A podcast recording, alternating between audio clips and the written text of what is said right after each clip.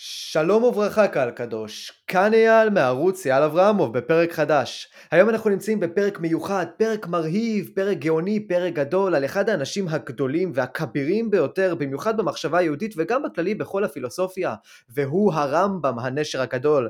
היום נמצא איתי איתן בן דוד, וכפי שהוא אוהב להציג את עצמו כל הזמן בתחילת הסרטונים, הוא מורה, איש הייטק ובעל תואר שני בפילוסופיה. אז קודם, אתה תרצה להציג את עצמך ולהוסיף כל מיני דברים עליך לפני שאנחנו מתחילים? כן, שלום אייל, קודם כל אה, תודה רבה. אה, אז אני אה, נשוי לנוגה, אב לשירה, יובל ושחר מירושלים. מרגיש חיבור עמוק לרמב"ם, לפילוסופיה ולמסורת היהודית בכלל. כן, רואים את זה ממש טוב מהסרטונים שלך. בכללי אני מאוד ממליץ לכם על הערוץ של איתן בן דוד, תוכל רק להגיד את השם של הערוץ, אני לא זוכר אותו, הוא מאוד שם מאוד שם ארוך. שם קצת ארוך, בעיקר על פילוסופיה, בעיקר על יהדות. בעיקר על פילוסופיה, בעיקר על יהדות, באמת אחלה של ערוץ.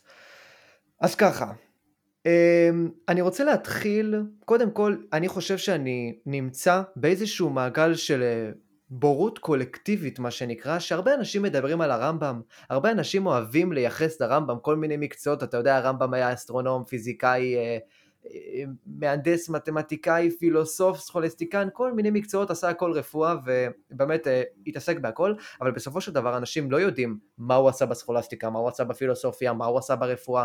יש איזושהי בורות שבה אנשים לא מבינים מה הרמב"ם עשה, מהי ההגות של הרמב"ם, אבל לפני שאנחנו ממש נוגעים להגות, אני רוצה קודם כל לדעת מי היה רמב"ם, באיזה תקופה הוא חי, מי הם הפילוסופים שהשפיעו עליו, אז בבקשה. מאה אחוז, ננסה לעשות את זה קצר עד כמה שניתן, אה, לסכם את אה, תולדות חייו ומפעלו של האדם הגדול הזה. נולד אה, בשנת 1138 באנדלוסיה בספרד, האזור שבו היה תור הזהב של יהדות ספרד עם דמויות מופת כמו רבי יהודה הלוי, אברהם אבן עזרא ואחרים. Uh, הוא זכה שם לחינוך uh, אליטיסטי נקרא לזה ככה, הוא נחשף uh, גם מצד אחד ללימודי רפואה שעוד ילוו אותו כמובן בהמשך, וגם ללימודי פילוסופיה ומדע, הוא בעצם קיבל את התורה של בעיקר אריסטו דרך המפרשים הערביים שלו, הפילוסופים הגדולים של, ה, של האסלאם כמו אל-פראבי ואיבן רושד. אמ, המשבר הגדול אה, ש, אה, שנתקל בו הרמב"ם בגיל פחות או יותר 20 היה הפלישה של אה, שבטים שנקראו המוואחידון, שבטים קיצוניים אסלאמיים שבאו מהאזור של צפון אפריקה ובעצם החריבו את תור הזהב של יהדות ספרד, הם היו מוסלמים קיצוניים שלא רצו יותר לתת ליהודים את המעמד של בני חסות שהיה להם עד אז ובעצם הרמב"ם יחד עם משפחתו ועוד אה, רבים אחרים יצאו לנדודים. הנדודים הללו נמשכו בארצות המגרב מספר שנים, ובסופם אה, הוא הגיע בערך בגיל 28-30 אה, למצרים אחרי ביקור קצר בישראל, אבל שם פחות או יותר לא היה, אה, כן, באמת? הוא היה שם רק, רק מעט, אבל פשוט לא, היה כאן הרבה, לא היו כאן הרבה אנשים, ולא הייתה שום אפשרות לפרנסה, ולכן הוא ומשפחתו, עדיין אביו היה בחיים, הגיעו למצרים. במהלך התקופה הזאת הרמב"ם כותב את אה, היצירה המונומנטלית הראשונה שלו מבין שלוש, והיא הפירוש שלו למשנה. אה, פירוש שבעצם בו הוא אה, עובר משנה משנה לפי הסדר, מפרש אותם ובסוף הוא מפרט מה, מה התלמוד בעצם פוסק להלכה. וכבר אז יש, מפעל החיים הפילוסופי שלו כבר תופס פיקוד, כי אנחנו רואים שלוש הקדמות לפירוש, שמופיעות בפירוש המשנה, ההקדמה הכללית, ואחר כך ההקדמה לפרק חלק, והקדמה למסכת אבות, מה שנקרא שמונה פרקים, ושם כבר יש לנו את הניצנים העיקריים, או את העקרונות הבסיסיים של הפילוסופיה שלו, של שמע האמת ממי שאמרה. מי שאמר את האמת אני מקשיב לו, גם אם הוא כמו אה, אריסטו, גוי, אם זה אמיתי, אני שם וזה בסדר. אמ, mm. ואנחנו מתחילים לראות את אחד העקרונות באמת היסודיים שילוו אותו למשך כל חייו, של ללכת אחרי האמת, וזה גם אומר בין היתר שהמדע והאמונה לא צריכים להתנגש ביניהם. אמ, במצרים... למרות שהמדע לא בדיוק היה מדעי. כמובן, כשאני, כשאני אומר כאן אה, מדע, כן. הכוונה כמובן למדע של אריסטו בעיקר, ושוב, כמו שהוא קיבל אותו דרך המפרשים הערבים שלו, ועל זה אני מניח שעוד נדבר בהמשך. אה, בקהיר, קהיר ולא לא הייתה מוכנה אה, לאדם בסדר גודל כזה, זאת אומרת, לא היה שם שום תלמיד חכם שיכול היה להשתוות לרמב"ם ברוחב ידיעותיו ובשליטתו הבאמת מוחלטת בהלכה, ומאוד מהר הוא קנה לעצמו שם מעמד של פחות או יותר כמו בית דין גבוה לערעורים, כל מי שלא ידע מה לעשות הדיינים בסוף הגיעו אל הרמב"ם, בהדרגה, בהדרגה הוא גם קנה לו מקום בהנהגה הפוליטית של יהודי מצרים. המפעל הגדול הבא שלו, משנה תורה, אה, מפעל שהוא אה, אה, בעצם עסק בו במשך עשר שנים פחות או יותר, מגיל 30-35 עד גיל 40-45, ושם הוא יצא בפרויקט שבאמת עד, עד אז לא עשו לפניו, שזה לקחת את כל ים התלמוד, שאולי אפשר לראות חלק ממנו כאן אצלי בספרייה, שזה באמת קורפוס ענק שקשה מאוד לשלוט בו, קשה מאוד לעשות בו סדר, כל מי שפתח אי פעם דף גמרא רואה כמה מחלוקות וכמה ויכוחים, ופתאום וואו. נכנס נושא אחר שלא קשור בכלל, ורגע, בסוף, מה בעצם עושים? אני כיהודי טוב, מה אני צריך לעשות? הרמב"ם שם לו למטרה לקחת את uh, כל התלמוד, לסכם אותו uh, בעברית צחה, עברית נפלאה, בחיבור שמיועד בעצם לכל uh, בני ישראל, וגם לנשים וגם לקטנים. Uh, וואלה, לא בערבית? לא מוזר. בערבית, נכון מאוד. פירוש המשנה לא אמרתי. ואיך העברית? פירוש המשנה לא אמרתי, אה, כתוב בערבית וגם מורה נבוכים שנגיע אליו. העברית היא מופלאה באמת, אני ממליץ לכל אחד אה, לפתוח אה, באמת דף, דף כלשהו במשנה תורה ופשוט לראות איך הרמב"ם כותב עברית שהיא למשל הרבה יותר קליטה מבחינתנו היום מאשר דף של ש"י עגנון נניח. בעיניי זה הישג באמת מופלא וכמובן לא רק בעיניי. אחד הדברים העיקריים שהרמב"ם עושה במשנה תורה, אה, הוא אומר, אני הולך לתת לכם את, ה, את ה, אה, מה שצריך לעשות, את הדברים העיקריים. מי שקורא את התורה של משה וקורא את הספר שלי, נגמר הסיפור, את משנה תורה, לא צריך לקרוא יותר שום דבר, והוא אומר את כל ההוויות אביי ורבה, אה, כל השקלא וטריא שמאפיין לנו את הגמרא, בואו נשאיר את זה למקצוענים. יש אנשים שבאמת אה, יכלו על זה את כל החייהם וזה בסדר גמור, אבל מבחינת כל השאר זה באמת פשוט אה, בזבוז אה, של זמן. הוא קובע שם את ההלכה, הוא לא מציין את המקורות שלו, הוא לא מציין כשהוא קובע את ההלכה מי, בעקבות מי הוא הולך, בעקבות איזו שיטה, הוא אומר את זה מראש, אלה הדברים שאני רוצה לעשות.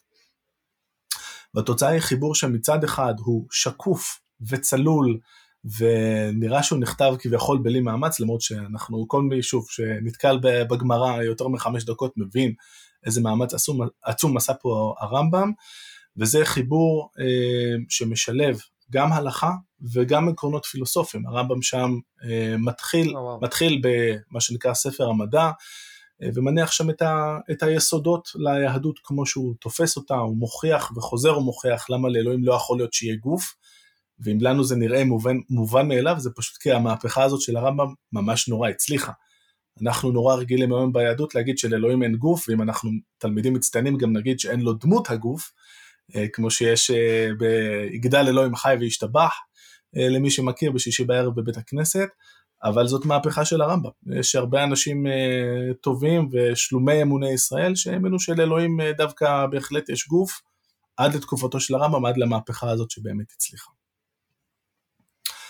אמ, את העבודה הזאת על אה, משנה תורה אי אפשר היה לעשות אה, תוך כדי זה שהרמב"ם היה נורא עסוק בדברים אחרים. הוא בעצם נורא נעזר במידה רבה באחיו דוד, שהיה סוחר, אה, שפרנס אה, אותו בסידור הקבוע כמו זבולון ויששכר במסורת היהודית. אה, אבל אז, אה, פחות או יותר בזמן שהרמב"ם מסיים את אה, משנה תורה, פקד אותו ואותנו אה, אסון גדול, כשדוד, האח, אה, טבע עם האונייה שלו בים ההודי. אה, הרמב"ם לא התאושש מזה באמת אה, כנראה עד סוף חייו, הוא מתאר אה, גם, יש איגרת מפורסמת שהוא כותב, אני חושב כשמונה שנים אחרי מותו של האח, שהוא מתאר איך שנה שלמה הוא לא הצליח לקום, לקום מהמיטה, הוא מתאר שם באמת מצב של דיכאון מאוד עמוק. וואו. מה שמאוד מתחדד, אם אנחנו משווים את זה למה שהוא כתב במשנה תורה, בין השאר הוא כותב ש... אין מה להצטער יותר מדי על אנשים אה, שמתו, זה דרכו של העולם, לא צריך להצטער יותר מדי. הרמב"ם, אה, טוב, לפעמים יש פער בין אה, הרמב"ם שכותב לבין, לבין החיים שלו עצמו. היצירה המונומנטלית השלישית והאחרונה של הרמב"ם ממורה נבוכים, אה, שאותו הוא כותב אחרי, אה, אחרי כמה שנים, אחרי שבינתיים הוא התמסר כדי לפרנס גם את עצמו וגם את האלמנה של אחיו ואת, אה, ואת ביתו של אחיו, הוא הפך בעצם לרופא, מימש את הלימודים שלו, הוא למד רפואה כמו שאמרנו בנערותו, ומכיוון שמדובר ברמב"ם, אז אה, מאוד מהר הוא הפך לרופא כמובן אה, הכי טוב, אה, הכי טוב במצרים, ושימש כרופא בחצר, בחצר של המלך שם, מדובר בחצר של בגדול סלאח א-דין, ההוא שנלחם בצלבנים וכולי, אז בגדול סלאח א-דין הסתובב במזרח התיכון והלך מכות עם מי שצריך, והרמב"ם טיפל באנשים הבכירים בארמון בקהיר.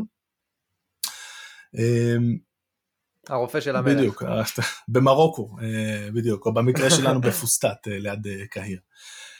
אז יש לנו כן. בעצם עשר שנים שבהן אין, אין יצירה מבחינתנו, שוב הפסד גדול, ואז הוא מתחיל לכתוב את מורה נבוכים. במורה נבוכים, קודם כל, הוא אומר את הדברים בצורה מאוד ברורה בפתיחה. אני, את מה שעשיתי במשנה תורה, אני עשיתי לכולם, לכל עם ישראל. כאן אני כותב ספר שהוא מיועד ליחידי סגולה. לאנשים שמצד אחד למדו את היסודות אה, של היהדות, מצד שני למדו מדעים, את המדע של זמנו, והם סוברים, לטענת הרמב"ם בטעות, שיש התנגשות בין הדברים. למשל, אם ניקח את הדוגמה, שוב, הקלאסית, הפילוסופיה של אריסטו מלמדת אותנו מדוע לאלוהים לא יכול להיות שיהיה גוף, אבל בתורה, כמו שכל אחד אה, רואה, לא צריך ללכת הרבה פסוקים לפני שאתה נתקל בביטויים שמגשימים את האל, שמהם עולה שלאלוהים יש גוף, כמו יד השם, אצבע אלוהים, וכמובן אה, הפרקים בתחילת אה, ספר בראשית של אלוהים שמתהלך בגן וכולי. והרמב"ם יוצא אה, קודם כל למסע פרשני, שנועד להראות כמה, אם אנחנו נבין את התורה בדרך הנכונה, אנחנו נראה שזה מסתדר עם, עם העקרונות המדעיים המוכחים. מכיוון שבסך הכל אמת, האמת שנמצאת בתורה, והאמת שנמצאת אה, מבחינתו במדע, לא יכול להיות שאמת תסתור אמת. הן בוודאי יכולות להתקיים זו לצד זו, ואם זה אומר שאנחנו צריכים אה, לאמץ את מוחנו מעט אה, ולהגיע לפרשנות יותר טובה ממה שהייתה לנו עד עכשיו של הכתובים, של התורה, מה טוב. הרמב"ם מסביר שהתורה עובדת, היא פונה לכמה רמות במקביל. והיא משתמשת... במשל הארמון? משל הארמון, נגיע אליו עוד מעט בהמשך. אבל למשל ברור שהתורה משתמשת במטאפורות אה, ובדימויים, אה, וכשכתוב אה, שאם אנחנו נתנהג לא בסדר הארץ תקיא אותנו, ברור לכולם שזאת מטאפורה, נכון? ובאותה צורה הרמב"ם אומר בכל מקום שנדמה לנו שיש סתירה בין מה שהמדע מלמד אותנו לבין התורה, צריך לראות איך אנחנו מפרשים את התורה בצורה היותר נכונה, כדי שנוכל להבחין בכך שבעצם אין סתירה בין הדברים. Mm. במורה נבוכים הוא מתעסק, אה, בעצם הוא עוסק במגוון מאוד רחב של אה, סוגיות אה, נוספות, רק נציין כמה מהן בקצרה. למה יש רוע בעולם? מה המשמעות של ההשגחה? מה זה אומר שאלוהים משגיח עליי? למה מאוד חשוב להקדיש את, את עצמנו לעבודה רוחנית ושכלית ולא להתפתות לפיתויי הגוף, נושא שמלווה את יצירתו עוד, עוד מפירוש המשנה ועוד נושאים נוספים. אה, אחרי שהוא מסיים את אה, משנה תורה, את אה, מורה נבוכים, סליחה, השנה היא פחות או יותר 1191, הרמב"ם חי עוד 13 שנים לאחר מכן והוא מת בשנת 1204. הוא מת בקהיר ונקבר בטבריה, ורק נגיד לסיכום החלק הזה שהרמב"ם מקדיש במשנה תורה כמה הלכות למה עושים עם קברים, איך מציינים קברים. כמובן צריך לציין, צריך לשים מצבה וכולי, אבל צדיקים צריך להימנע מלשים להם מצבה, והוא אומר שם את המילים הנפלאות, דבריהם הם זיכרונם. הדברים שהם כתבו, הדברים שהם לימדו אותנו, זה צריך להיות הזיכרון, ולא צריך לעשות להם מצבה בכלל. זאת אומרת, הדרגה של הקבר שלהם, לצורך העניין, צריכה להיות יותר פחותה מאשר כל אחד מאיתנו. לא שזה עזר לרמב"ם, כי כמו שכל מי שהיה בטבריה יודע, יש את קבר הרמב"ם, והוא כמובן מוקד עליה לרגל וכו'. זה כמו אולי אה, שדוקינס עם הבים, אם אתה מכיר, אתה בטוח מכיר, שהוא כאילו אומר, אה, האנשים החכמים באמת, הם לא מחפשים קבר והם לא מחפשים עולם הבא כדי לחיות חיי נצח. הם מחפשים להשתלט על זיכרונם של האנשים, אה, לשמר את זיכרונם, להטביח אותם. שזה בערך מה שהרמב"ם אמר. אה, פחות או יותר כן, אולי פחות מנסח את זה במונחים של השתלטות, אבל כן, מה שחשוב זה באמת הדברים שהם אמרו, נכון מאוד. יפה. אז אה, וואו, קודם כל לפחות עם זה, מזה אה, נפטרנו מה שנקרא, אני עכשיו באמת אה, יודע מי זה הרמב"ם, כאילו מבחינה הביוגרפית. אה, חשוב לי לדעת, אם כבר אנחנו נגענו בנושאים במורה נבוכים, אם אתה יכול לתת לי איזשהו, כמה רעיונות או איזשהו רעיון מופלא וכל מיני רעיונות שהם רלוונטיים עד עכשיו, שמאפשרים לנו לחיות יותר טוב, או שמאפשרים לנו סתם פשוט להגיע לאיזשהו... איזושהי מחשבה אדירה או, או דרך להסתכל על העולם באופן שונה לחלוטין. אז uh, הייתי רוצה אולי להתחיל לאו דווקא ממורה נבוכים בהיבט הזה ולציין כאן כמה דברים שאני מאוד התחברתי אליהם ומאוד uh, השפיעו עליי. Uh, דבר ראשון, uh, זה אחת ההקדמות שאמרתי, רק אמרתי את השם של אחת ההקדמות בפירוש המשנה, ששוב הרמב"ם כותב בצעירותו, הקדמה לפרק חלק. פרק חלק במשנה מתחיל במילים כל ישראל יש להם חלק לעולם הבא, אה, וכאן הרמב"ם אומר, רגע, בואו נעצור שנייה ובואו נדבר על העניין הזה של העולם הבא, כי הוא אומר, יש, אה, ראיתי שיש המון דעות. יש אנשים שחושבים שהשכר שנקבל בזה שנעשה את המצוות יהיה זה שנקום אה, לתחייה יום אחד. ואז אנשים מתווכחים איך נקום, אם בבגדים שלבשנו או לא, ואם התחתנתי עם שני נשים במהלך החיים, למי אני נשוי עכשיו, ומתחילים להתווכח. אה, באמת? כן, בוודאי. זה כתוב במשנה או בגמרא? אה, מה שהרמב"ם אומר זה, הוא אה, מסכם את הסברות שיש בימיו. ולמען האמת הסברות האלה הן גם, אוקיי. גם בימינו. מעניין.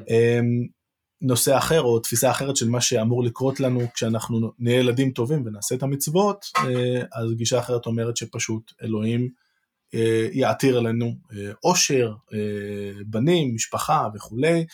אה, יש עוד תפיסה שאומרת שאם הכל יהיה בסדר יבוא המשיח ואז ישראל ישלטו בגויים וכולי. והרמב"ם אומר, ויש את ש, שהיא רוב בני אדם שמאמינים קצת בכל דבר שיהיה מה אכפת לנו. והרמב"ם אומר, חכו רגע בואו נעצור את הדיון הזה ומה שחסר לי כאן, אומר הרמב"ם, זה מה זה האמצעי ומה זה התכלית. מה, מה אנחנו בעצם עושים פה. והוא אומר אני אמשיל לכם משל, וזה משל שהוא לא מפרש אותו, אני אה, אולי קצת אה, אעז, אעז לפרש אותו בהמשך. הוא אומר בואו אה, נניח שיש ילד בגיל שלוש לצורך העניין שמגיע בפעם הראשונה למלמד, שילמד אותו. המלמד, שהוא אדם מבוגר, יודע שמה שהילד הזה צריך זה בעיקר ללמוד ולדעת לקרוא ולדעת את האמיתות וכולי. אבל הילד לא מעניין אותו כל הדבר הזה, אז, ה, אז המחנך אומר לו בוא בוא בוא, אה, שב איתי קצת, אני אלמד אותך א', ב', ג', תקבל אה, סוכריה על מקל. ולמחרת הוא ייתן לו תבליט, אה, כאילו קצת קוביית שוקולד וכולי, אחלה, ילד למד, אה, למד א', ב'. מגיע עברות כמה שנים, הילד כבר לא רוצה ממתקים, הוא כבר ילד אה, מתוחכם, נגיד שהוא בן עשר. אז המורה, המלמד אומר, אה, טוב, נחליף לו את, ה, את האמצעי, כדי, האמצעי שאני משתמש בו mm. כדי להגיע לתכלית, ובמקום להציע לו אה, ממתקים, אני אציע לו בגדים יפים. ובהמשך אולי אציע לו גם אה, קצת כסף. ובהמשך, בגיל כבר יותר גדול, יגידו לו, תשמע, אתה, אתה רואה את הרב ההוא, אתה אולי רוצה להיות כמוהו, שתיכנס לבית כנסת, אנשים יקומו לכבודך, אה, יכירו אותך, תהיה מפורסם וכולי. וככה הילד והאיש עוברים מאמצעי לאמצעי, בדרך לתכלית ש... שהמלמד תכנן מההתחלה. והרמב"ם מסכם את זה ואומר, כל זה מגונה, כל, הד... כל הפרוצדורה הזאת היה עדיף שהיא לא הייתה. היה עדיף שפשוט אה, מההתחלה הבן אדם היה יודע שמה שחשוב לו זה ללמוד ולעבוד על השכל שלו ולהגיע להשגות הנכונות, אבל זה פשוט לא יכול לעבוד ככה. זהו, פה נעצר המשל והרמב"ם ממשיך למשהו קצת אחר, אה, ואני אמרתי, אני קצת אה, אתחצף אני חושב שאם עוצרים ושואלים את עצמנו, אבל אנחנו שואלים את עצמנו ביושר מה הרמב"ם ניסה פה להגיד, אני חושב שיש פה אמירה די נועזת על, אה, על מה אנחנו יכולים לצפות כשאנחנו מצפים אה, לגמול אה, בעשיית המצוות. ואם אנחנו מחברים את זה לדיון של הרמב"ם במורה נבוכים במה זה התורה ולמה היא טובה, שם הוא מסביר שהתורה עוזרת לנו בשני היבטים. היבט אחד בלסדר את החברה, חברה שבה כן גונבים, וכן רוצחים וכן אה, משקרים, היא חברה שאי אפשר להתקדם בה יותר מדי. מצד אחד, ומצד שני זאת התורה, היא גם עוזרת לנו להתמקד בלצאת נגד התאוות שלנו, נגד ה- לאכול כל מה שבא לנו וכולי מצד אחד, ומצד שני יש בה את הגלומות בה גם האמיתות הפילוסופיות, כמו אם אנחנו שומרים את השבת, אנחנו נזכרים שיש בורא לעולם. יש בורא לעולם, זאת אמת מבחינת הרמב"ם, זאת אמת שיש אלוהים וכן הלאה. אז mm-hmm. לדבר על מה השכר שנקבל עם המצוות, אה, כנראה שמבחינת הרמב"ם זה פשוט פספוס של הנקודה. אז. אה, זה אחד הדברים, ההקדמה לפרק חלק, זה, ומשל המחנך, מה שתיארתי עכשיו, זה אחד הדברים שמאוד אה, מאוד השפיעו עליי. אתה כאילו, זה השפיע עליך מבחינה שאתה אומר, לפחות אולי בעולם שלנו, אנחנו צריכים לפעול לשם הפעולה, אולי לא, לא, אולי לא כמו קהלת, שאומר למה, למה, למה, למה, מה יקרה אחרי זה, מה יקרה אחרי זה, איפה הדברים הנצחיים שאנחנו משיגים. ואתה אומר, עצם החיים הם טובים. עצם העשייה, אולי ניקח את זה לחיים שלך, הם דבר טוב. אה, לא צריך לחפש תגמול נצחי. נכון, אה, ובלבד אה, שהעשייה היא מכוונת למטרה טובה כמובן, גם את זה, גם את זה הרמב"ם היה אומר. בואו, נת, הרמב"ם אולי היה אומר, בואו נתמקד בזה, על התשלום, בנס, נדבר אחר כך, נספור את הכסף במדרגות. אבל קודם, קודם כל יש לו ביטוי, אה, אה, ביטוי מאוד יפה, אני חושב, במשנה תורה, זה שקודם כל צריך לעשות את האמת בגלל, בגלל שהיא אמת. אה, זו, זאת צריכה להיות המטרה, אנחנו צריכים להתכוונן ולעשות את הדברים הנכונים, כי אלה, כי אלה הדברים הנכונים, לעסוק בתיקון של, ה, של העולם מסביבנו, לעסוק במושכלות, לנסות להתקדם עד כמה שאפשר במטרה החשובה מכל, מבחינת הרמב"ם, שהיא הכרת האל כפי יכולתו של האדם, שהיא מוגבלת, זה מבחינת הרמב"ם הייעוד שלנו כאן. כמו איינשטיין בתכלס, שהוא ראה את פני האל, אבל האל השפינוזיסטי בתכלס. Uh, תגיד, אני רציתי לשאול אותך, אתה אה, קודם כל אתה מאמין או לא? אני לא בדיוק הבנתי, אתה אדם דתי או לא דתי? אז אה, קודם כל אני מגיע ממשפחה מסורתית ואני מנהל אה, יחסים מורכבים לאורך הזמן עם, עם העולם הזה. כן. אני היום במקום שבו אני קודם כל מאוד מעריך ואוהב ומוקיר חלקים נרחבים במסורת, חשוב לי כן לעסוק בדברים האלה, קודם כל כי יש שם פשוט אוצרות כמו שיש בפילוסופיה הכללית, אבל גם כי זאת, זאת המסורת שקיבלתי, ויש, ואני מאוד אוהב אותה ואני, ואני מרגיש טוב כשאני עוסק בה. לגבי במה בדיוק אני מאמין, נקרא לזה ככה, אני רוצה בינתיים להשאיר את זה קצת מעורפל, גם כי זה מעט משתנה ויש ניואנסים עם השנים אני חושב. לא, כי אני שאלתי את זה, כי רציתי לדעת אם אתה מאמין, כי הרי הרמב"ם כשהוא אומר מושכלות הוא באמת מתכוון לזה, הוא לא אומר את זה בתור משל. הוא אומר שבאמת המטרה של האדם, הדתי, האמיתי, החכם, הזה שנמצא במשל הארמון בדרגה הכי גבוהה, זה להיות בעולם האידאות. לחיות בעולם האידאות, לחשוב, לגיאומטריה, למתמטיקה, לפילוסופיה. האם אתה מאמין שזהו ייעודו של האדם? להשכיל ולהתעסק במושכלות? אז אה, אני רק אחדד אה, טיפה, מבחינת הרמב"ם יש בהחלט מקום לעיסוק במתמטיקה, יש בהחלט מקום לעיסוק במדעים. כשהוא mm-hmm. פורט במשנה תורה את מה זה אומר תלמוד תורה. אומר, הבן אדם חייב ללמוד תורה, זה נכון. ואז יש לו קטע מאוד יפה שהוא ככה מפרק את היממה לחלקים ואומר כך וכך שעות צריך לעסוק בתורה וכך וכך שעות וכולי והוא נותן שם מקום יחסית די מצומצם אה, לתורה ו- ולגמרא מאשר אה, לעסוק במדעים. אה, והמטרה היא פחות לעסוק באידאות, אלא מכיוון שהדבר הזה מכשיר אותנו, שוב, להכיר את אלוהים בצורה הכי טובה. להבין מה, מה אפשר להגיד על אלוהים, לא הרבה, אבל בעיקר לסלק מאיתנו, מעצמנו השקפות מוטעות לגבי אלוהים. אה, כמו למשל, שוב, הדוגמה הקלאסית שיש לו גוף, הדוגמה הקצת פחות קלאסית והפחות קלה להבנה שהוא גם לא נתון לרגשות. אז מבחינת הרמב"ם אה, היעד האמיתי הוא שוב לעסוק אה, בדבר הבאמת חשוב, לעסוק אה, באל עד כמה שניתן. במושכלות בתכל'ס, זה האל בשבילו הרי. אבל פחות המתמטיקה, המתמטיקה היא כלי, העיסוק במתמטיקה הוא כלי מכיוון שהוא מזכך מבחינת הרמב"ם את המחשבה, מרגיל אותנו, כשאתה מתעסק בהוכחות בגיאומטריה כל היום, ואומר לך את זה פה מורה למתמטיקה, אתה משכלל את היכולת של השכל שלך להבדיל בין טיעונים אמיתיים לטיעונים שקריים, ואתה מחדד את היכולת שלך להבחין בין אמת ושקר. עכשיו, מה... אבל האם, אבל אני... אתה רוצה להגיד משהו? לא, תמשיך בבקשה.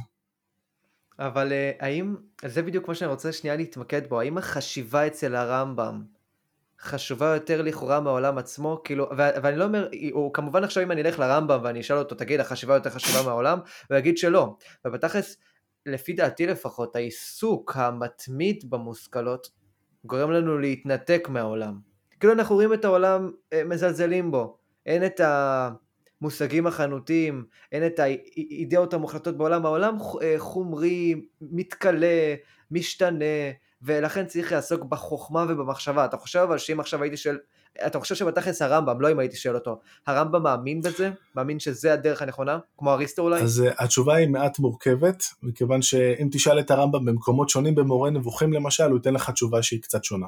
וזה בסדר, כי הוא אמר מראש שזה מה שהוא יעשה, אה, שהוא ייתן תשובות שונות במקומות uh, שונים, ו...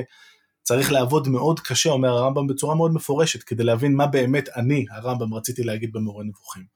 אה, אז אוקיי. בחלקים במורה נבוכים הוא מציין את זה שאנחנו צריכים אה, לפעול בצורה שמחקה בקוף את, אה, את מעשה הקדוש ברוך הוא. מה הוא רחום, הוא מביא כאן מאמר של חז"ל, מה הוא רחום, אף אתה היה רחום, אה, וכן הלאה. זאת אומרת, אה, בואו ניקח את התכונות הטובות של אלוהים כפי שהן מתגלמות בטבע, אנחנו רואים, אומר הרמב"ם, איך הטבע אה, מרחם על כל היצורים בזה שהוא נותן להם את הכלים להצליח. נכון? אתה רואה את היכולת של הנשר אה, לעוף ולטרוף, אה, הנשר, העית, אה, אחד דורס, אחד אוכל נבלות, לכל אחד יש בדיוק את הכלים, מאוד דרוויניסטיים נחשוב על זה, את הכלים הפיזיים המתאימים למה שהוא עושה, כי הטבע מרחם, כי אלוהים מרחם. אז ככה גם אתה, כשאתה אה, נושא ונותן עם אנשים, תהיה רחום. תנסה להתחקות אחרי המידות, אחרי התכונות של הקדוש ברוך הוא. אז זו תשובה אחת שהוא נותן, אבל uh, ממש בסוף הספר הוא גם נותן לנו uh, תמונה שבה הכי טוב יהיה uh, לחכם להתבודד ולהתרחק מבני אדם שבתכלס הם די מפריעים עם כל ההצקות של ה-everyday שלהם, ולנסות להגיע למצב שהוא מתבודד עם אלוהים עד כמה שניתן. עכשיו, במקום אחר במורה נבוכים הרמב"ם מסביר שכדי שהחכמים יוכלו להגיע לאן שהם צריכים להגיע, החברה בסופו של דבר צריכה להיות כזאת שמאפשרת להם את זה. אמרנו קודם, חברה שבה גונבים ורוצחים, כנראה שלא נזכה שם להרבה פילוסופים וכולי. אז מצד, מצד אחד צריך אה, כן לנהוג כמו אלוהים מול האנשים שסובבים אותנו ומול העולם ברחמים ובחסד. מצד שני כן צריך לנסות להתבודד, ומצד שני אם כולם יתבודדו זה גם לא יעבוד. אז התשובה מבחינת הרמב"ם היא מורכבת. אני רק רוצה לחזור למה ששאלת כי שאלת לגביי.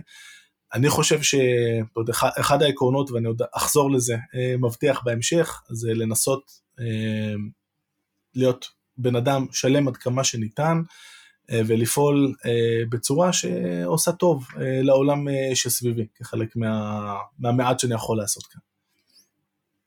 אפשר בתכלס אבל גם להשתמש בכלי המפורסם האריסטוטליאני רמב"מי, שהוא שביל הזהב מה שנקרא, ולקחת את כל הדברים האלה, לשים אותם, ב, את ההתרחקות מהעולם במקום אחד, את ההימצאות בעולם במקום שני, ולהגיע לשביל הזהב, בדיוק כמו שאתה אמרת. בתכלס יכול להיות שהרמב"ם רצה שאנחנו נשתמש בכלי הזה. אתה לא חושב? אז אה, אם כבר נגעת בשביל הזהב, אז רק, אה, רק, רק נציין, כי זה, כי זה קטע שאני מאוד אוהב, את ההבדל אה, בין התפיסה של הרמב"ם לבין התפיסה של אריסטו על שביל הזהב. שביל הזהב, רק נגיד במילה, זאת האמירה של, של אריסטו שצריך לנסות להיות באמצע. לא להיות פזרן מדי, לא להיות קמצן מדי, לא להיות פחדן מדי, לא להיות פזיז מדי וכן הלאה. והרמב"ם אומר, תעשו בדיוק מה שאריסטו אמר, חוץ משני דברים. דבר אחד, אה, בואו נלמד ממשה רבנו. משה רבנו היה ענב מכל אדם. קודם כל, בואו נהיה כמה שיותר ענבים, בואו אה, נעבוד כמה שפחות עם האגו, אף אחד לא הרוויח שום דבר מעבודה עם האגו. אה, אומר לנו הרמב"ם, ודבר שני זה עניין של הכעס. הכעס, אומר הרמב"ם, בן אדם שכועס הוא במידה מסוימת, אפשר לומר, מאבד זמנית אה, קצת אה, צלם אנוש. אה, ובוודאי אם זה נהיה דבר קבוע, כי אז אין חייו חיים. אנחנו פשוט מאבדים את שיקול הדעת, ומבחינת הרמב"ם שיקול הדעת זה הדבר הכי חשוב, לכן הוא גם מאוד מתנגד למשל להשתכרות, לשתייה לשוחרה, ובטח מלעשות בזה איזה חגיגה גדולה, שמתאספים לשתות כמה דרינקים עם החבר'ה. כי כשאתה שיכור אתה לא יכול לעשות את מה שאתה באמת צריך לעשות, שזה לחשוב על האמיתות ולחשוב על אלוהים. אה, מה נכון. שכן הרמב"ם שמעבר להיותו איש הלכה ופילוסוף הייתה לו הבנה מאוד עמוקה של נפש האדם וגם האדם הפשוט אה, אומר לנו, תשמעו, אבל מאוד חשוב שלפעמים, בייחוד אם אתם בתפקיד של חינוך, אתם צריכים להיראות כועסים. אה, אם אתה פרנס על הציבור, אתה צריך מדי פעם ש... שיבהלו ממך, אין מה לעשות. ואם אני לוקח דוגמה בת ימינו, אז שחר, הבת הקטנה שלי שהיא בת ארבע, אם עכשיו רצה לכביש, אני לא יכול לעצור ולהסביר לה, תקשיבי, חמודה, יש בעולם תנע, אה, ויש אה, את החוק של ניוטון שהוא ככה וככה, ו-F שווה עם A, ואם אוטו בדיוק יעבור פה כשאת מתפרצת לכביש, זה לא ייגמר טוב. מה שהיא צריכה זה שאגה אחת טובה אה, והיסטרית מצד אבא, אה, כדי שהיא תבין שאני לא יודעת בדיוק מה קרה עכשיו, אבל כנראה שזה, ש... קודם כל בואו נעצור. אה, וזה מה שצריך, והרמב"ם באמת מבין את זה. אז זאת הייתה מילה על שביל הזהב. הבעיה עם שביל הזהב, שהוא לא מתאים לאותם מעולים שעבורם הרמב"ם אומר שהוא כתב את מורה נבוכים.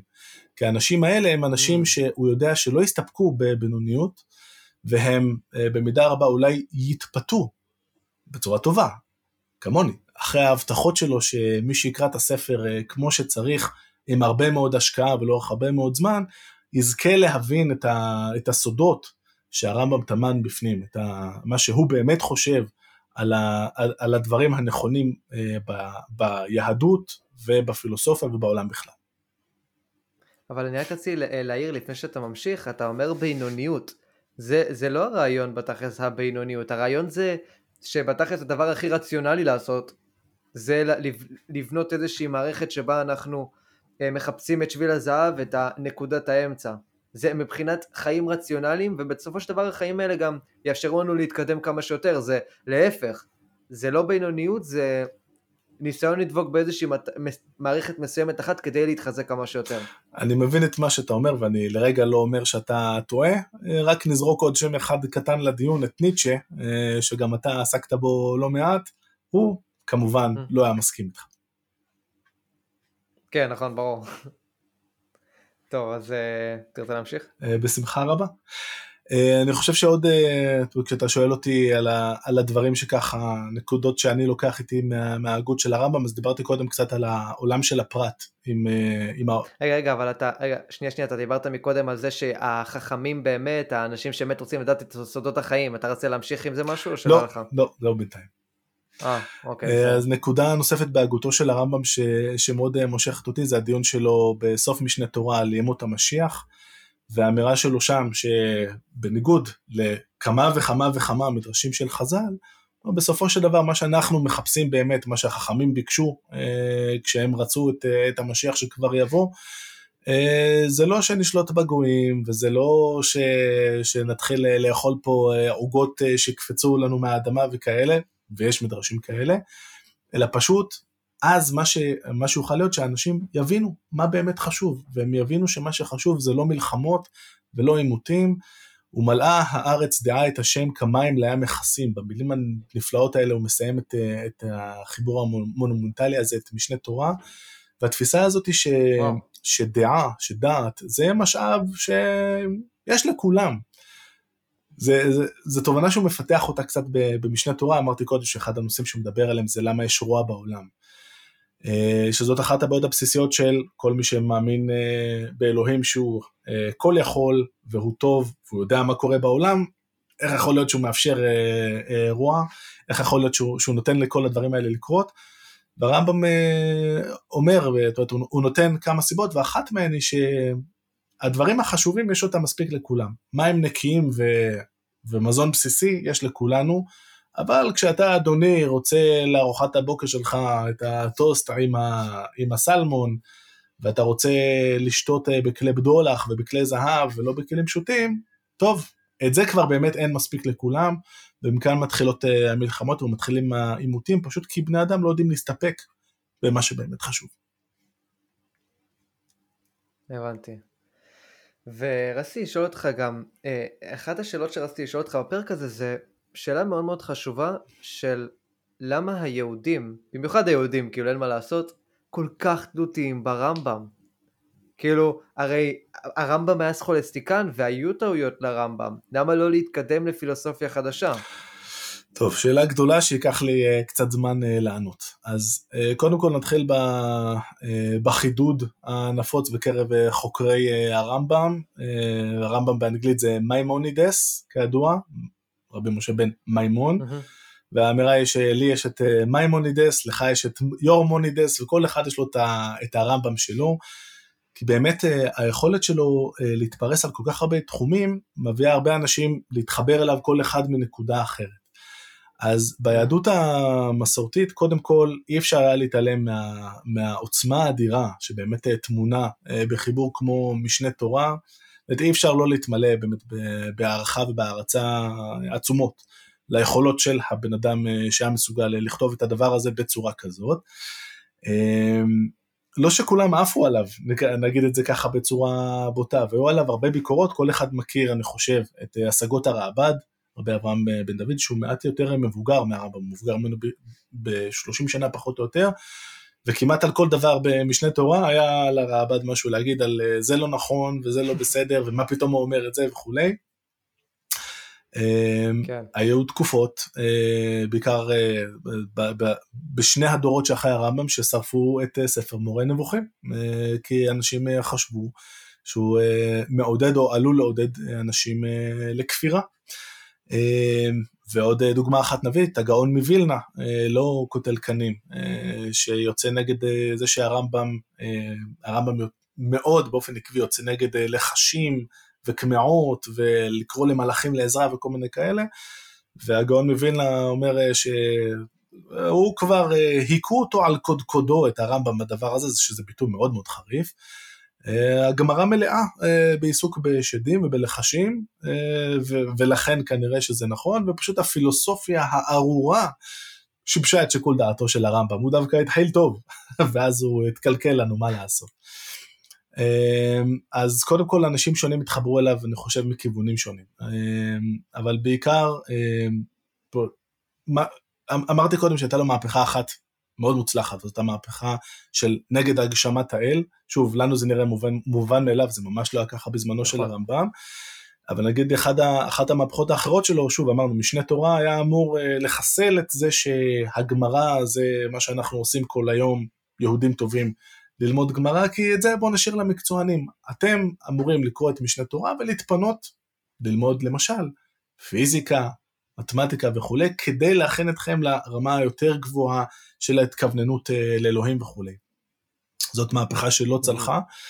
אמ, ואם הוא חשב שהוא אה, שם ככה איזה, סוגר את, ה, את העיסוק של, אה, של עם ישראל הרחב בגמרא, אז, אז, אז זה לא קרה. אז נכון שכולם, זאת אומרת, הוא מאוד פופולרי, הייתי אומר, נקרא לזה ככה, אבל לא כל מה שהוא נכון. רצה באמת הצליח, וקמו לו לא מעט מתנגדים גם בחייו וגם לאחר מכן. ונגיד אה, האנשים עכשיו, אם אתה מכיר, כל מיני פילוסופים יודעים עכשיו מהסוג אה, התורני הדתי, האם הם אה, מקבלים את, נגיד את המדע של אריסטו? את הרפואה וכל הדברים האלה, כי אתה יודע, זה הרי לא באמת, אני לא בטוח שיש לזה איזשהו ערך עכשיו, או שיש לזה. אז עד כמה שאני יודע, כשאתה, כשאתה הולך בשוק של מחנה יהודה, יש את האיש של האתרוגים בירושלים, שנפטר לא מזמן, ויש שם את ה... יש לו את המיץ אתרוגים ואת המיץ הזה ואת זה, ויש לו את המיץ של הרמב"ם, אה, מרקחת שהרמב"ם ככה זה, ואנשים קונים את, ה, את הדבר הזה, ואני חושב שלי יצא, אה, שוב, לפחות בתור ירושלמי, להתקל הרבה פעמים בחיים בכל מיני אנשים שאמרו, טוב, והדבר הזה והזה, הרמב"ם אמר שזה בריא, אז עושים את זה. אז בהיבט אה, של הרפואה, למרות שכמו שאמרת, הרבה מהעקרונות הרפואיים שהרמב"ם פעל לפיהם, הם אה, יצאו מהאופנה והם כבר לא כל כך רלוונטיים, כי אנחנו יודעים היום הרבה יותר על איך, איך הגוף מתנהל. אבל לעם, ליושבי העם הפשוט ולמבקרים בשוק, זה אולי פחות משנה. זה סבבה. אני חושב שהשאלה שאתה גם, גם שאלת בדרך זה למה היהודים ככלל פחות מתחברים לפילוסופיה חדשה. אני חושב, שוב זה, זה נושא מאוד ארוך, אבל קשה להתחבר לפילוסופיה באופן כללי, לא כל אחד מתחבר לזה. הפילוסופיה החדשה שמה מאוד דגש על העצמי, וקשה למישהו שמגיע מהחשיבה המסורתית הקלאסית, ששמה את העצמי קצת בצד, כי זה מה, ש... זה מה שאתה רגיל לגדול כשאתה גדל בתור אה, נער או נערה דתייה, ואתה יודע שאתה לא יכול לאכול את כל מה שאתה רוצה, ואם אכלת, תחכה כך וכך שעות, אם אתה הולנדי אז הרווחת, אם אתה לא אז לא. אה, אז אתה מתרגל לשים את עצמך קצת מאחור ולשים את הקהילה ואת העקרונות ואת המצוות קצת לפנים. אז הדגש הגדול של, אה, של אנשים בפילוסופיה החדשה, החל מדקארט ועבור בניטשה, שדוגמה שישר קופצת ועוד רבים אחרים, אולי, אולי פחות מושך. ודבר אחרון, אני חושב שהרמב"ם, שוב, בהיבט הזה של, ה, של הדמות שלו, כמישהו כל כך חזק מבחינה של פוסק הלכה ומי ששולט בצורה אה, כל כך מוחלטת בים התלמוד, אה, אז קשה מאוד אה, לעמוד בקסם, אה, בקסם שלו, אה, וקשה מאוד ללכת בעקבות אנשים אה, שאחר כך אה, הולכים בכיוון כל כך שונה משלו, כמו שקורה בפילוסופיה החדשה. הבנתי, ואני רוצה לשאול אותך אולי שאלה אחרונה, וזה אתה כן אה, ענית לי על רעיון מטורף שממש עד עכשיו עוזר לך, שאתה לא, שאתה פועל אבל אתה לא תמיד מצפה לקבל משהו בתמורה מהפעולה הזאת. אבל יש לי שאלה אחרת, האם יש איזשהו רעיון של, רמב, של הרמב"ם שהוא כל כך מטורף שהוא אפילו לא מקובל היום, כאילו איזשהו משהו או יותר מדי מהפכני או יותר מדי קיצוני או אה, שוביניסטי קיצוני, איזשהו משהו של הרמב"ם, אבל כמובן שוביניזם זה לא כך מעניין אה, לדבר עליו, כי ברור שפעם זה היה מקובל ועכשיו זה לא מקובל. איזשהו משהו שלא מקובל עד היום, איזושהי מחשבה פשוט כל כך קיצונית ומטורפת שאנחנו אפילו לא יכולים לחשוב אה, ולנסות להבין אותה. אז הייתי אומר שהרמב"ם שה... פשוט הציב רף מאוד גבוה באחד הנושאים העיקריים של ההגות שלו, מה שנקרא בשפה המקצועית תורת התארים השליליים. והרעיון הוא כמו שאמרנו קודם, אנחנו יודעים להגיד קודם כל על אלוהים שאין לו גוף. את זה קל להוכיח מבחינת הרמב"ם, וכמו שקצת הוספתי ואמרתי, הרמב"ם אה, מנסה להוכיח למה לא יכול להיות שאלוהים אה, יחווה רגשות. שזה קצת בעיה, כי בתורה, כאילו, כל הזמן אלוהים... אה, חרף אפו. כן, אפשר לקרוא את ספר במדבר, ו... אתה, לפני שאתה הופך את הדף, אתה יודע מה יקרה בעמוד הבא. אלוהים עוד פעם מתעצבן, ומשה יגיד לו, רגע, אבל אני והשכנים, ומה יגידו, ופה ושם, ואלוהים אומר, כן. יאללה, בסדר, שיחקת אותה, נהרוג, 20, נהרוג כמה אלפים ויהיה טוב. אה, והרמב"ם עושה עבודה מאוד קשה ומוצלחת בעיניי, ומראה לנו למה אלוהים לא באמת יכול להיות אה, אה, דבר כזה שמונע מרגשות. אגב, כי היפעלות מרגשות, והיפעלות זה המונח העברי הקלאסי. לעניין הזה של רגש, אני נפעל, אני מופעל על ידי משהו אחר, ואני כאילו לא שולט בעצמי, זה מתחבר לעניין של הכעס שדיברנו קודם. אם מה שאיזה אדם עושה יכול לגרום לי, אלוהים, אה, להרגיש אה, לא נעים, להרגיש כעס, כאילו זה לא, זה לא, לא, לא מלמד עליי אה, הרבה טובות כאל, נכון? אז הרמב"ם אומר, אוקיי, אז אנחנו גם יודעים להגיד שלאלוהים אין רגשות, אבל מה עם דברים חיוביים, כמו להגיד שאלוהים הוא חכם? זה בטח נחמד, לא? כאילו מה, מה כבר רע בלהגיד שהוא נורא עוצמתי או נורא חכם, אבל כאן יש אה, תפיסה מאוד מאוד, אה, יש נקודה מאוד חשובה ו, ודקה שהתרימה אה, זרמים אה, שתפסו בפילוסופיה של המאה ה-20, והרעיון הוא שאם אני אומר שאלוהים חכם, אז כאילו אני בסדר, אבל בעצם אני לא בסדר, למה? כי מה עוד מתקשר אצלי בראש עם חכם? אז uh, חכם יכול להיות איינשטיין אמרנו, וניקח עוד דוגמאות, אז יש את אה, איינשטיין ויש את אריסטו וכולם חכמים ונהדרים ואז יש את אלוהים.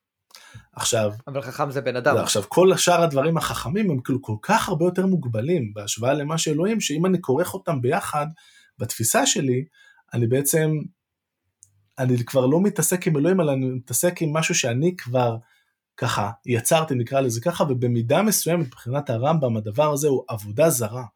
עבודה זרה שהיא יותר קשה מבחינתו מאשר כן. העבודה הזרה הקלאסית של העבודה לפסלים, כי הרמב"ם יש לו יחס כביכול מאוד צלחני לעובדי אלילים שעובדים פסלים, הוא אומר הם יודעים שזה רק סמל, אבל כשאני אומר שאלוהים הוא ככה וככה ואני מדמיין את הדברים הרגילים אה, שאני, שאני מכיר, אני עושה, אני עושה פה טעות עוד יותר גדולה. ונכון אומר הרמב"ם, בתפילה כתוב, הגדול, הגיבור והנורא, אבל אלה התפילות שקיבלנו, אז אין מה לעשות. אז אני אומר את זה, אבל אני יודע שאני לא באמת צריך להתכוון. ובעצם uh, הוא מסכם את הדיון בזה שהוא אומר, uh, ולך דומיה תהילה, הוא דורש את, ה, את, ה, את המילים הללו מה, מהמקרא, זה מה שאנחנו צריכים לעשות. בסופו של דבר לנסות להבין כמה שיותר מה אלוהים הוא לא, כי אנחנו לא נוכל להבין מה אלוהים הוא כן, אנחנו מוגבלים מדי. והדרישה הזאת, אה, לנסות אה, להסתפק בפחות מבחינתנו, ולעצור מתישהו, ולא להתקדם קדימה, זו דרישה מאוד קשה. זאת גם הפרשנות שלו, ובזה אני אסיים את הנקודה הזאת, אבל תהיה לי עוד מילה, עוד מילה להגיד בסוף. הפרשנות שלו לארבעה שנכנסו לפרדס, או בפרדס. עם רבי עקיבא. אתה ו... יכול לספר את הסיפור? בוודאי, כאילו אז קודם? יש אה, סיפור מאוד, כן. מאוד מסתורי בגמרא על ארבעה שנכנסו לפרדס, ארבעה חכמים, רבי עקיבא, אה, רבי אלישע בן אבויה, אה, בן עזאי ובן זומא, ונכנסו בפרדס, נכנסו לפרדס הזה, מקובל מאוד לפרש את זה כהתעסקו בדברים המאוד עמוקים אה, של היהדות, או של היקום, או של הקיום, זאת אומרת, הם יצאו לאיזה מסע מחשבתי כזה או אחר, וכל אחד מהם ניזוק בדרך אחרת, אחד מת, אחד השתגע, אחד, רבי אלישע בן אבויה, דמות באמת מהממת, קיצץ בנטיעות, יצא בשאלה, כמו שהיינו אומרים היום, ורבי עקיבא הוא היחידי שנכנס בשלום ויצא בשלום. וכשהרמב"ם מפרש את, ה, את הסיפור הזה, הוא נאחז באחת האמירות שם, לא, לא ניכנס כאן לעומק, בלהגיד, רבי עקיבא ידע איפה לעצור, ידע איפה הוא הגיע לגבול של היכולת שלו להשיג ולעצור שם. רבי אלישע בן אבויה לא ידע לעצור, המשיך הלאה יותר מדי, נתפס לשגיאות בעיון שלו, ולכן אה, הוא אה, איבד את האמונה שלו. אז הדרישה של הרמב"ם כאן אה, להגיע למצב של ולך דומיית תהילה, לנסות איפשהו לעצור ולא להגות קדימה באלוהים, אני חושב שזו דרישה שהוא ידע, אה, שהיא מאוד מאוד אה, קשה עבורנו. כן, והיא בתכלס מתקשרת... לא, תמשיך בבקשה. והיא בתכלס גם מתקשרת, כאילו עד עכשיו הוגים לפחות הוגים דרוויניסטים שלוקחים את דרווין ומנסים לעשות איזה שהם כל מיני רעיונות פילוסופיים, לדוגמה ניטשה שאומר ש... אה, האינטלקט ברא רק טעויות, כל מיני שטויות כאלה, אז זה בערך אותו דבר, אנחנו משתמשים בכל אותם מושגים שנוח לנו וחושבים שהם מתאימים לאלוהים, שהם מתאימים לטבע, שהם מתאימים לכל הדברים האלה, למרות שבתכלס זה לא נכון. וזה מה שהרמב"ם מבין את זה שמונה, כבר לפני 800 שנה, וזה גאוני פשוט שהוא מבין את זה. הוא כמובן מקשר את זה לאלוהים, אבל הוא מתייחס לאלוהים כאילו באופן מאוד מאוד רחב. אה, כן, יצא לך קצת פסימי. אני מקווה שהרמב"ם היה קצת יותר אופטימי ברוב הדברים. כן. אז מה רצית להגיד בסוף? אז אה, רק אה, דבר, רעיון אחד אחרון אה, שאני שואב מהרמב"ם, ואולי פחות מהגותו ויותר מהדמות שהוא היה, העובדה שהוא היה אדם מאוד שלם. בהיבט הזה שהוא ידע, הוא היה מסוגל להיות גם איש הלכה עצום, גם פילוסוף ברמה באמת מאוד גבוהה, גם אנשים לא מהעם שלנו שמסכמים את אה, תולדות הפילוסופיה לאורך השנים, אה, היו לו כמה אה, יציאות מאוד יפות, שהוא הצליח גם להוכיח לפעמים שאריסטו טעה, או שלפחות דברים שהוא אמר היו לא מבוססים, הוא לא היה חסיד שוטה של אריסטו. גם הרגישות המאוד גבוהה שלו לאנשים מהעם, כמו למשל שעובדיה הגר שפנה אליו ואמר שהרב שלו, של אותו עובדיה, בייש אותו כשהוא אמר שהוא לא יכול בתור גר להגיד אה, שאלוהים הוא אלוהינו ולא אבותינו.